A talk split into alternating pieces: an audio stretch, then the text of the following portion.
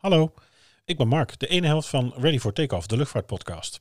We zijn ooit een podcast gestart om onze vliegervaringen met je te delen en dat blijven we ook gewoon doen. Maar al een tijd kriebelt er een gevoel om daar iets meer mee te doen. En nu, in deze tijd, nu we allemaal wat meer thuis zijn en ik er ook wat meer tijd voor heb, lijkt het het moment te zijn om dat te doen. Vandaag een extra reeks met bonusafleveringen. Van 2007 tot en met 2013 was ik werkzaam als cabin attendant en purser bij de Koninklijke Luchtmacht en ik heb daar de hele wereld gezien. Ik heb daar destijds een dagboek en een weblog van bijgehouden. Dat is nu nergens meer te vinden, maar ik kan dat natuurlijk nog wel met je delen. Laten we zeggen in deze bijzondere transfer van Ready for Takeoff. We horen ook graag wat je ervan vindt. Dat mag op Twitter, daar zijn we at take underscore ready. En dat mag op Instagram, at ready for takeoff pod. Het is nu zomervakantie en onze reguliere afleveringen liggen heel even stil, maar wij gaan natuurlijk wel door met deze specials. En vandaag neem ik je mee naar Curaçao. Het is zondag 22 november 2009, de Nederlandse Antillen.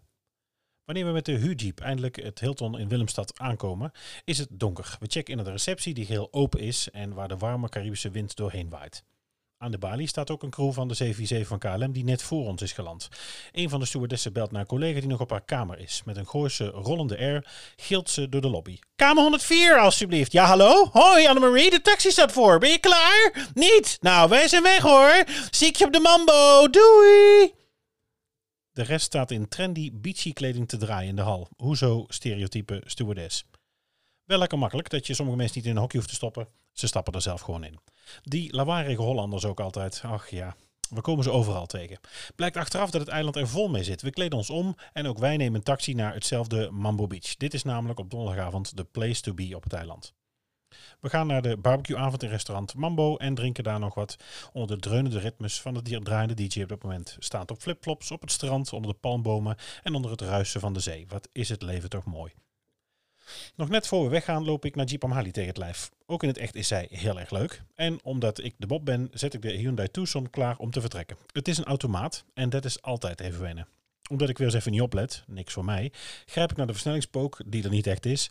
En voor de disco trap ik met rechts vol op de rem, denkend dat het de koppeling is. Bijna mijn voortanden kwijt en iatnahu in mijn voorhoofd. Sexy. De volgende morgen al vroeg wakker door dierengeluiden die door de shutters in mijn kamer komen. Eruit dan maar. Ik trek mijn zwembroek aan en besluit een duik in zee te nemen. Naast me zwemt een man en wanneer ik hem lang aankijk, afvragend of ik hem ken, zegt hij met een Haagse knauw in zijn stem zoals hij dat alleen maar kan. Hi. Krijg nou wat, Barry Hay. Ik lig gewoon in zee met Barry Hay. Het moet niet gekker worden hier op het eiland. Nou ja, leuk. Na het zwemmen zit ik in mijn zwembroek en op slippertjes buiten uh, op het afgesproken ontbijt. Daarna spullen pakken en we trekken het eiland op met onze rental. Eerst gaan we naar de stad waar we zojuist twee enorme cruiseschepen waaronder de Queen Mary van Cunard zijn aangekomen. aangekomen. Daar spugen de schepen dus, alles bij elkaar, zo'n kleine 5000 man uit over de stad. Het is dus heel erg druk.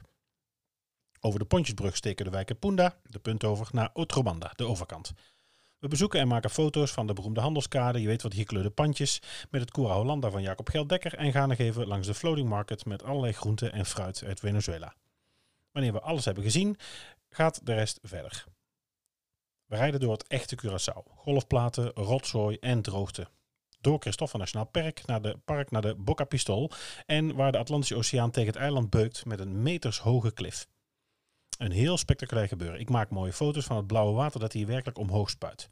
Onder de stenen verschillende hagedissen en mensen schuilen voor de hitte. De reis gaat verder. Westpunt, waar jongelui zich van een metershoge rots in zee storten.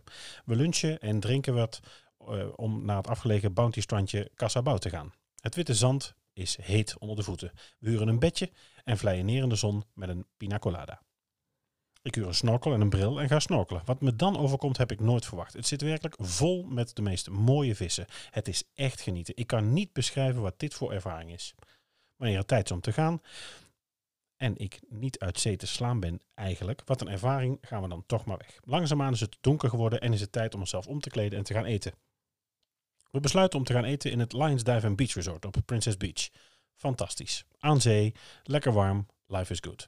En daarna op tijd naar bed, want morgen alweer vroeg vliegen voor de reis naar het volgende land. We gaan naar Suriname.